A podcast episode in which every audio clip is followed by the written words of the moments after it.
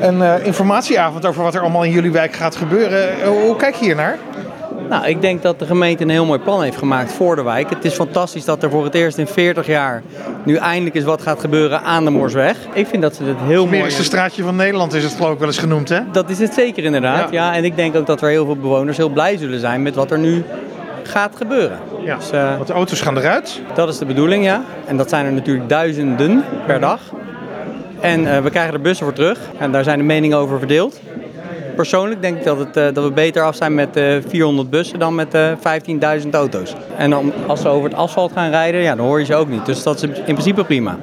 Iets anders, eh, ja, daar had je wel een mening over. Van hoe kom je nou die wijk goed in en uit als bewoner met de auto? Ja, daar ben ik wel kritisch over inderdaad. Wat je ziet is dat er eh, een proef gestart is op de Lange Brug om eh, met kentekenregistratie als bewoner de wijk in te kunnen. Ja. En dat geldt voor de hele Pieterswijk. Die mogen allemaal over de Lange Brug rijden.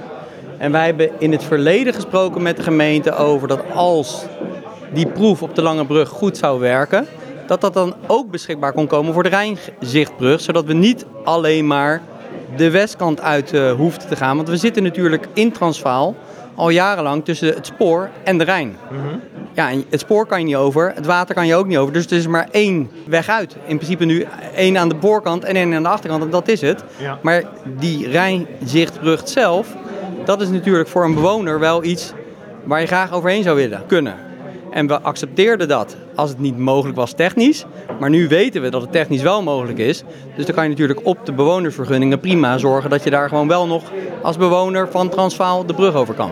U werd nog niet helemaal gerustgesteld, hè? Nee, zeker niet. Nee, het was, ik vond het een zeer onbevredigend antwoord. En dat komt met name doordat er toen heel duidelijk ook is ges- gesproken over die proef. Als het is, dan nemen we het op. En nu is het waarheid. En zeggen ze, ja, nee, eh, ik ga u teleurstellen. U moet aan de andere kant de straat uit. Ze kijken in eerste instantie via het tunneltje naar de Lage Mors, hè? Ja, je hebt dan maar één kant om eruit te gaan. Dus je moet altijd door die tunnel. Ja. En dat betekent dus ook dat je bij de Vondellaan uitkomt of op de eh, Dr. Lelylaan. Dat staat gewoon vast als je eh, om vier uur de wijk uit wil. Dus je kunt dan niet de wijk uit. Dus dan moet je via de Willem-Zwijgelaan de wijk uit. Ja, en als je dan aan de andere kant moet zijn van Leiden, ja, dan, eh, dan is het een rondje Leiden. En dat lijkt me niet helemaal de bedoeling.